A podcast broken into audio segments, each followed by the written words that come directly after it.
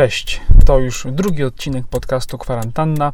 To mm, pykanie, które słyszycie, to jest y, to są światła ostrzegawcze w samochodzie, które włączyłem, bo stoję, stoję przez chwilę tutaj pod y, blokiem, do, do którego przywiozłem maseczki. No i chyba nie bardzo można tu stać, więc na chwilę włączyłem te światła. A co w drugim odcinku? W drugim odcinku mm, opowiem trochę wraz z moją żoną o naszym e, doświadczeniu edukacji domowej. To tak w kontekście szkoły w domu, która teraz jest bardzo popularna z racji tego, że wszystkie szkoły są po prostu zamknięte z powodu koronawirusa. Oczywiście e, szkoła w domu, a edukacja domowa to są jednak dwie różne rzeczy, mm, więc my o tej edukacji troszkę opowiemy, bo w naszym przypadku to już jest e, dość długa historia, bo trwa od roku 2013 i sobie cenimy to doświadczenie. Może ktoś po tym czasie zwariowanym koronawirusowym, kto, ktoś, kto ma dzieci, też się do tego przekona i stwierdzi, że a, trzeba przejść na edukację domową. W drugiej części, którą nazwałem wirus kulturalny, to ma, to ma być taki cykl w ogóle poświęcony właśnie różnym ciekawym, ciekawym tworom kultury. Opowiem, opowiemy też z moją żoną o pewnym moc, mocnym serialu na platformie Netflix, który ostatnio oglądaliśmy e, z wielką przyjemnością przy okazji, przy okazji świąt. Więc takie dwie rzeczy e, będą miały miejsce w tym podcaście. Zapraszam do słuchania, a ja już wracam do domu, bo czas do pracy.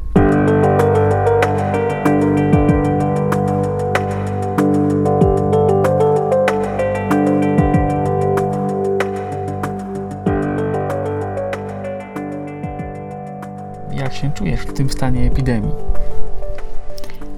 Mm, powiem Ci, że już sfrustrowana. Mm, sfrustrowana brakiem wolności, brakiem przestrzeni, brakiem spacerów. Tego mi najbardziej brakuje i szczerze mówiąc mam już mam już dość. Ale, ale z takich nietypowych rzeczy, które się dzieją, to między innymi y, to, że szyjesz maseczki razem z córką, a właściwie nie tyle szyjesz, co przygotowujesz półprodukty, a córka je mm, tam dalej obrabia. Kościół mamy w domu i, i właśnie szkołę. U nas jest troszkę inaczej, ponieważ nasze dzieci są w edukacji domowej. Natomiast wielu naszych znajomych no, po prostu boryka się ze, z tym, co, co jest tą właśnie szkołą w domu. Bo są no, jakoś tam przymuszeni do tego, żeby to wszystko, co się dzieje normalnie na lekcjach w szkole, w klasie, żeby to wszystko robić w domu i potem jeszcze to raportować. My mamy swój system, uczymy się powoli, kładziemy nacisk na właściwie dzieci wybierają te elementy, które je interesują. Innych też się uczą, ale mają szansę zgłębiać przedmioty albo działy danych przedmiotów, które interesują je bardziej niż pozostałe. Czyli krótko mówiąc, jest to bardziej elastyczny system. Czy jest to w ogóle bardziej elastyczne, edukacja domowa? Że można bardziej sobie to wszystko poustawiać. No, w jednej z książek o edukacji domowej jest bardzo trafne porównanie, że różnica między edukacją, szkołą publiczną a edukacją domową jest taka jak między żywieniem zbiorowym a żywieniem się w domu. No wiadomo, że jak jesteś w domu, no to zawsze możesz zjeść to, co chcesz, albo i być głodnym, tak? A jak się żywisz zbiorowo, no to masz no, nieduży wybór, tak? Zawsze to będzie jakoś ograniczone. Myślę też, że edukacja domowa y, daje właśnie znacznie więcej wolności y, i rodzicom, i dzieciom. Y, jest też świetną okazją, żeby rozwijać się w, w swoim tempie, tak jak właśnie mówiłaś. To, że ktoś, to, że tam powiedziałem, że się uczymy powoli, to nie znaczy, że to jest coś gorszego. Oczywiście to bardziej chodzi właśnie o to tempo, które dziecko może, yy, może sobie samo jakby narzucić. Wszystko się dzieje bardziej, jest bardziej przyjazne. Tutaj nie ma gonitwy. Mamy możliwość na to, mamy możliwość tego, by dziecko mogło dorosnąć do stawianych mu wymagań. Tak, to prawda. Jest też dużo miejsca na taką spontaniczność. Mm, część rzeczy, część rzeczy związanych z edukacją dzieje się właśnie w pewnym sensie spontanicznie. No, na przykład no, nasze dzieci, co uważam za rzecz bardzo fajną, no, po prostu nauczyły się czytać i pisać w domu i to się właśnie działo trochę w taki sposób właśnie spontaniczny. No, na przykład mój syn mm, najstarszy bardzo od wczesnych lat się interesował sportem i chciał po prostu wiedzieć, co się dzieje w świecie sportu, y, korzystając z internetu, y, też z tekstów. Tam no, taki klasyczny przykład, no to mecze piłkarskie, które były transmitowane właśnie w formie tekstowej, czy po prostu ktoś tam to pisał. No i ja powiedziałem w pewnym momencie, słuchaj, no chcesz się dowiedzieć, jaki, jaki jest wynik, czy coś tam dzieje na boisku, no to czytaj. Oczywiście jest to jakiś taki, bardzo skrótowo to opowiadam, ale tak to mniej więcej było. Czy tam, nie wiem, dziadek, który, e, z którym jeździli e, autobusem i e, czekali na przystanku i mówił, no to Daniel, no jaki to numer? Musi, musimy wiedzieć, czy wsiadamy, czy nie, nie, nie wsiadamy. Pamiętasz to? Ja już pamiętam, zapomniałam. Pamiętam, Czy tam gry planszowe i kostka, no jak w końcu, w końcu powiedziałem, chcesz grać, no to musisz liczyć, tak? No to... Tak, właśnie. W edukacji domowej jest czas na czytanie książek, jest czas na gry planszowe, jest czas na dyskusje, czasami burzliwe. No właśnie, na przykład no dzisiaj. Dzisiaj mamy wtorek po y, Wielkanocy i nasze dzieci czytały cały dzień, tak? Tak było? Tak. No właśnie. Y, a w takiej szkole publicznej po prostu nie ma na to czasu. No pytanie, jak teraz to wygląda? Może trochę jest więcej, ale w edukacji domowej... Pewnie wszystko zależy od szkoły i od nauczyciela. Tak, w edukacji domowej po prostu i to też się jakby potwierdza też u wielu innych dzieci, że bardzo, bardzo jest tutaj czytelnictwo, czytelnictwo rozwinięte. Dużo dzieci właśnie czyta książki i nie jest to nic wymuszonego, ale to właśnie dlatego, że mają czas na to. I okazuje się w ogóle w edukacji domowej, że wiele rzeczy, mm, które w szkole publicznej zajmują, zajmuje bardzo dużo czasu, nawet w tym nauczaniu początkowym, w warunkach homeschoolingu, no, robi się znacznie szybciej, tak naprawdę. Szkoła publiczna też stwarza dużo takiego zamieszania, takich, takiego szumu, cała ta logistyka, wszystkie oceny, cała ten, ta, taka formatka, ta, którą, w którą się dziecko wciska, to jest, no jest to naszym zdaniem niepotrzebne. Nie jest to potrzebne do szczęścia. Oceny też nie są adekwatne co do umiejętności dziecka. Mhm. Tak, i tu, to, jest też pewne ryzyko takiej gonitwy za ocenami, albo też uczenia się tylko dla ocen. Yy czy ta motywacja też to się inaczej układa. No w edukacji domowej to jest, to jest trudniejsze, że gdzieś tam trzeba jakoś pomóc dziecku, żeby samo w sobie tą motywację znalazło. Yy, I to się wydaje trudniejsze, ale to też być może zależy od dziecka, bo znowu tutaj jest tak, że właściwie co rodzina to ma inne podejście, inne, inne spojrzenie. Na pewno w każdej jest czas na chęć do nauki i chęć odpoczynku od nauki. Tak. Jeżeli nie mamy siły, ochoty, to się nie uczymy danego dnia. Mhm. Czasami dwa dni albo trzy dni. Tak też może to być. Dla niektórych może być szokiem, jak tak można. No, tyle dni. Nie no, lenistwo. Ale na przykład w nauczaniu początkowym, no to, to, jest, to jest bardzo ważne, bo jeżeli to, to, to jest też ważne w, takim sensie, że się jakoś tam podąża za tym tem, tempem dziecka, że jakoś się podąża za rozwojem dziecka, za jego potrzebami. I ja pamiętam właśnie sprzed paru lat, jak nie wiem, wracałem z pracy, a nasze dzieciaki rano się bawiły klockami i wróciłem, dalej się bawił klockami. Nie? Tak, bo zabawa klockami wymaga czasu. Nie można no. tego tak po prostu przerwać po godzinie, bo zazwyczaj budownicze się dopiero rozkręca. No na przykład. Ja się początkowo dziwiłem, no ale jak to się nie uczyli, ale potem właśnie doszło do mnie i to też potem gdzieś tam po, potwierdzili e, bardziej doświadczeni, że tak, no tak to właśnie bywa, że dziecko tak sobie akurat wybrało mm, i to w tym momencie dla niego jest y, o wiele ważniejsze i lepsze i bardziej rozwijające niż to, żeby go posadzić przy biurku i że ma tam, nie wiem, ćwiczyć coś, tak, nie wiem, pisanie czy coś. A potem jak już tę potrzebę spełni y, takiej zabawy, no to to przyjdzie i czas na naukę. Tak? Dobrze mówię. Mm, no, dobrze mówisz. Natomiast, czyli, czyli właściwie można, tak podsumowując, yy, edukacja domowa daje więcej wolności i znacznie fajniej się buduje relacje z dzieckiem. Jest na to czas. Mhm. I prawdą jest, że nie jest to dla wszystkich. Dla mnie czasami też nie. Znaczy tak, nie jest dla wszystkich, bo po prostu nie, nie każdy sobie może pozwolić, chociaż różne, różne słyszałem opinie. Yy, my zawsze będziemy gorąco namawiać, żeby spróbować. No chyba, że, że zupełnie... A w niektórych momentach będziemy gorąco zniechęcać? Ale w jakich momentach? Na tych takich słabych momentach, które przychodzą z różną częstotliwością. No ale to już też zależy, no to, to być może zaznaczę jakieś jakieś ograniczenia, bo też y, y, jest taki proces, y, przez który przechodzą rodzice, którzy wchodzą w edukację domową, czyli od, odszkolnienie.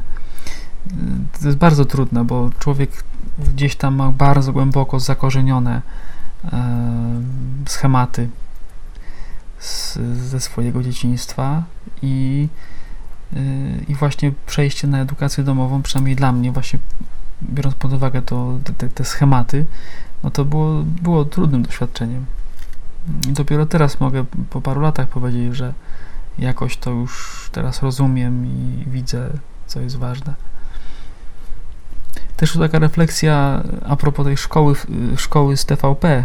Y, tym chyba jednym z najgłośniejszych projektów telewizji polskiej ostatnich lat, poza serialem y, Korona Królów i innymi tego typu rzeczami to y, ja oczywiście słyszałem, że to telewizja polska nie, nie za bardzo tutaj stanęła na wysokości zadania, a nauczyciele byli trochę ad hoc tam w to wrzuceni wszystko, więc jeżeli były to osoby, które nie miały doświadczenia przed kamerą, no to też trudno wymagać od nich nie wiadomo czego, jakichś oscarowych ról. Natomiast y, mam takie wrażenie, że chyba jednak trochę, y, trochę ten obraz szkoły publicznej przez te programy y, był pokazany, mimo wszystko. Że były osoby po prostu nudne i lekcje nudne, czy lekcje nudne, a byli też pasjonaci, tylko że znacznie mniej tych pasjonatów było. Mm, ja przyznam się, że nie oglądałam zbyt wielu programów szkoła TVP, natomiast e, jedno, jeden odcinek zapadł mi w pamięć, to była lekcja muzyki dla klasy szóstej z panem Marcinem, perkusistą.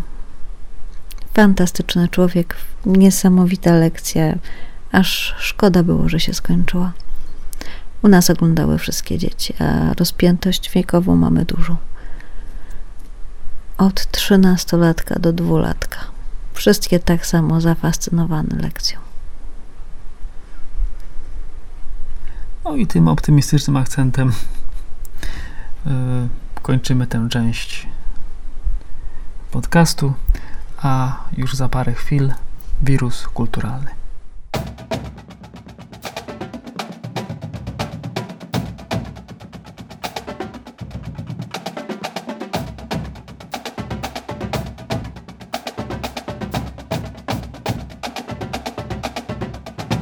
Serial, który e, przykuł nas e, na 4 ponad godziny do komputera, ale bardzo nas ujął.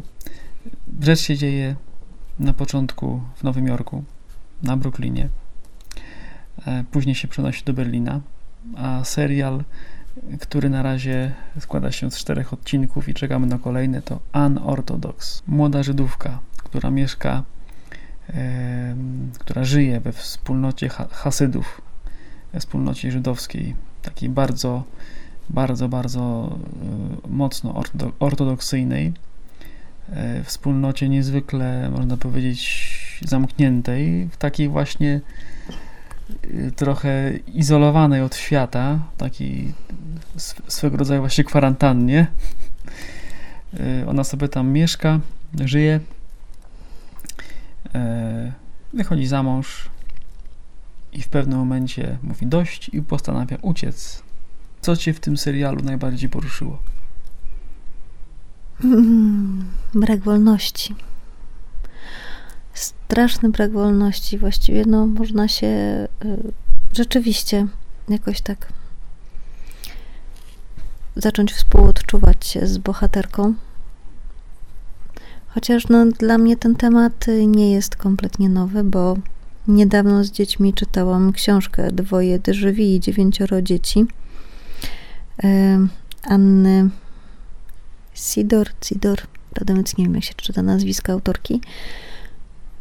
I to była historia o przedwojennej, przedwojenna historia o rodzinie rabinowiczów z Lublina. Z tym, że podana bardzo tak y, ciekawy i niestraszny sposób. Przedstawiona była codzienność rodziny, ich y, zakupy, sposób przygotowywania posiłków, y, rytuały religijne oraz wielkie święto, jak na przykład właśnie mm, wesele, ślub i wesele córki.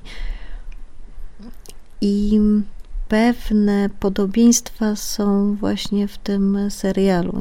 No, akurat serial jest dużo bardziej przejmujący i straszny, no bo też e, skierowany jest do odbiorcy dorosłego. Może to, dlatego. Co, to, co mnie uderzyło, to że ta wspólnota. I teraz też ciekawe, jak, jak, jak ten serial jest odbierany szerzej. Czy, czy gdzieś tam ktoś nie zarzuci mu antysemityzmu na przykład. Ale że ta wspólnota jest w zasadzie pokazana jak pewien rodzaj sekty, no nie? gdzie tam już żyjesz w tym, w tej, w, właśnie w tej, jak gdyby w cudzysłowie sekcie i właściwie twoje życie jest yy, yy, no nie masz bardzo wpływu tak, na, na to, co, co możesz zrobić, jeśli jesteś kobietą. O, no, kobiety mają, mają gorzej. Tak. Ale I trudno uwierzyć, że w XXI wieku można nie mieć dostępu do kultury, do spełnienia własnych y, marzeń, do realizowania i rozwijania talentów, że nie masz wpływu. A nawet do podstawowej wiedzy biologicznej. Tak, nie znasz swego ciała. Jesteś kobietą, nie znasz swego ciała. To wydaje się wręcz nieprawdopodobne. I w tej wspólnocie akurat było tak, że tam kobieta nie mogła sobie wybrać męża, tylko był swat, swatka. No to jest właśnie pytanie. Wydaje mi się, no, tak jak było w tej książce, o której wspominałam, tam również to swat dobierał małżonków, y, z tym, że przed wojną, no to młodzi poznawali się w dniu ślubu, a właściwie po ślubie. Y, tutaj w filmie oni spotykają się nieco wcześniej. Oczywiście następują oględziny y, dziewczyny przez przyszłą teściową. To taka wymowna scena w ogóle, bo ta scena ma miejsce w w hipermarkecie. Hiper, tak, w sklepie. Ona jest jednym z artykułów. No tak, tak można to interpretować. Stoi taka właśnie yy, jak na wybiegu trochę dla modelek albo dla niewolników. Bardziej. Na targu, na, Bardziej, targu dla targ. niewolników. I, I ona no sobie właśnie, zdaje z tego sprawę. Mhm. I to jest, to też ciekawe, że z jednej strony coś jest w niej takiego innego, tak, ona od, ale, początku zdaje sobie sprawę z tego, że odstaje ale, od tej społeczności. Tak, ale z drugiej strony jednak realizuje, realizuje tą, tą drogę um, tak jakby, no tak po prostu, nie wiem, Ale chce, chce być. no nie ma możliwości nierealizowania. No tak, ale z twarzy tak jakby można odczytać, że gdzieś tam, no, w cudzysłowie spełnia się. Nie, Nie? ona po prostu wierzy, że to będzie początek jej nowego, lepszego życia, tej Mhm. lepszej części. Że bar- bardzo jest y, wymowna scena, jak już porzuciła Nowy Jork i jest już w Europie, w Berlinie i tam do tej wody wchodzi. To jest w ogóle też ciekawe, bo nie wiem, czy pamiętasz, bo ten, ten film, on też trochę na takich retrospekcjach bazuje. A tutaj się akcja podsuwa do przodu, widzimy co ona robi, ale jednocześnie wspomnienia wracają jak gdyby. I tam jest taka scena, kiedy ona idzie do, do mykwy, takiego miejsca e, rytualnych obmyć. Tam wchodzi to przed ślubem. Wchodzi, myje się e, nago i tak dalej. A później ta scena z kolei z wodą, z jeziorem e, w Berlinie. E, I ona tam w tym, w tym jeziorze jak gdyby rodzi się na nowo. Tak? W sensie zaczyna się jej ten proces nie wiem, wyzwalania się z tych, y, z tych więzów tej wspólnoty. I to jest takie bardzo y, przejmujące. W ogóle sam ten motyw jej ucieczki, jak ona jest tak w, między światami, bo y, tutaj uciekła już jakby Ale jest jeszcze ofiarą, tak? A czy ofiarą ona jest? y, Za nią wysłano pogoń. No tak, jej, mąż razem z, y, z bratem, tak? To był Jakiś brat, ten. Mojsze, czy kuzyn. Tak, oni razem tam, y, tam wyruszyli, wyruszyli w pościg. No i ją tropią po, po tym Berlinie. Jak dziką zwierzynę. Nie powiemy, do kogo ona tam w Berlinie dotarła, ale ją tropią. Więc jest takie, znaczy to jest, to jest tak y, nasycony emocjami skrajnymi film, serial. Dawno już takiego nie, nie spotkałem, bo z jednej strony jest właśnie ta wielkie pragnienie y, po prostu bycia wolnym człowiekiem, wielkie pragnienie ucieczki, jednocześnie ona no, jest zagubiona totalnie. Y, Jednocześnie takie narasta zagrożenie, no bo jednak ten poś, pościg jest. Y, A jednocześnie w, w niej dojrzewa coś nowego, jakieś nowe życie. Przenośni dosłownie. No jestem bardzo ciekawa, jak, jakie będą jej kolejne wybory Mhm. i konsekwencje tych wyborów. też ten świat tej wspólnoty tak, tak bardzo odstaje od y, y, tego, co jest wokół, tego, co jest poza tym świat, y, światem. No, ja przyznam, nie znam tak bardzo y, kultury Hasydów czy, czy y, tych Żydów ortodoksyjnych, ale tam jest tak wszystko pozakrywane, pozasłaniane. Ludzie są tak ubrani bardzo szczelnie, czy to kobiety, czy mężczyźni. Mm, Wokół, wokół jest tak dużo wszystkiego, tak jest tak, tak jest gęsto, nie wiem jak to wyrazić nawet. Nawet, nie wiem, te tam folie są na różnych przedmiotach Wiesz co? pozakładane. Jest atmosfera duszności, ale Mhm. właśnie chyba dlatego, że nie ma tam wolności. Tak myślę. Pamiętaj, tam jest taka scena, w której mówią jej, że dopóki nie urodzi dziecka, to nic nie znaczy. Mhm. Im O, więcej dzieci, tym większe znaczenie. No tak, Sama z- matka Mhm. e, jej męża przecież jest ważniejsza od samej żony, bo przecież ona zna go najlepiej. Mhm. Tylko ona wie, co sprawi, że będzie się czuł jak król. No właśnie. Ale ona już królową być nie może. Też jest bardzo ciekawa postać y, męża y, Estery, który ma na imię Janki. No dla mnie nie jest to postać jednoznaczna, bo mam wrażenie, że w, już potem w czwartym odcinku, że on jednak tak na swój sposób kochał ją. Że, Że to brzmi na swój sposób kochał ją. no bo on, on właśnie też jest uwikłany w te konwenanse, ma jakieś więzy go pętają, że on nie jest w stanie być sobą, nie potrafi, nawet nie wie, jak Ale wyrazić jest- czułość kobiecie. On jest sobą. On jest taki, No okej, jakim go dobrze. nauczono. No tak, być. ale, ale właśnie to jest takie bardzo... No jest sobą. No jest sobą. Odnajduje no jest, się dobrze, w tej no. społeczności. Odnajduje się w tych wszystkich zasadach. No dobrze, to może inaczej. W tym czwartym odcinku ma poczucie, że coś traci. Że bo widzi swoją żonę w nowej odsłonie. Widzi ją bez tych pozakrywanych ubrań, bez peruki na głowie, co jest dla niego szokiem, że, on, że wszyscy widzą jej włosy. Bo może powiedzmy, że w momencie, kiedy Żydówka y, taka ortodoksyjna wychodzi za mąż, jest y, golona na łyso, a potem nosi chustkę albo perukę.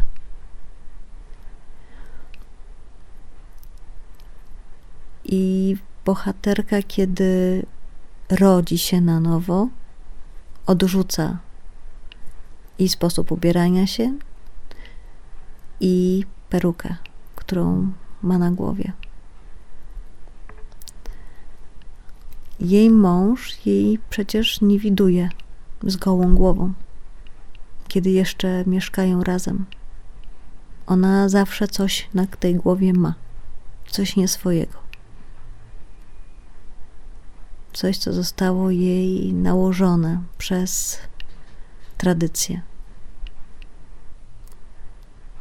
I myślę, że to jest właśnie to jego spotkanie z tą kobietą, której kompletnie nie zna, która nawet sama siebie dobrze nie zna. Widzi jej talent, który także i ona w sobie odkrywa. Talent, e, jak którym jest śpiew. Po raz pierwszy słyszy jej głos, bo kobietom nie wolno śpiewać. Nie wolno być głośnymi. I myślę, że to wywiera na nim taką, takie ogromne wrażenie. I może z tym zostawmy słuchaczy. Bo już mam wrażenie, żeśmy też trochę sporo spoilerów tutaj zrobili, więc pora, żeby każdy, kto tylko może, przebrnął przez te cztery odcinki. Naprawdę, no jest to coś, jest to coś nowego. To kończymy to, to wydanie wirusa kulturalnego i niebawem mam nadzieję kolejne. Przed chwilą wysłuchaliście rozmowy z Sylwią o, o serialu Unorthodox, który można obejrzeć na platformie Netflix i to jest ostatni, ostatnia część e, tego drugiego odcinka podcastu. Zapraszam, zapraszam już niebawem. Tymczasem życzę Wam e, miłego wieczoru albo miłego dnia w tej naszej koronawirusowej sytuacji i do usłyszenia. Mówił Dominik Japs.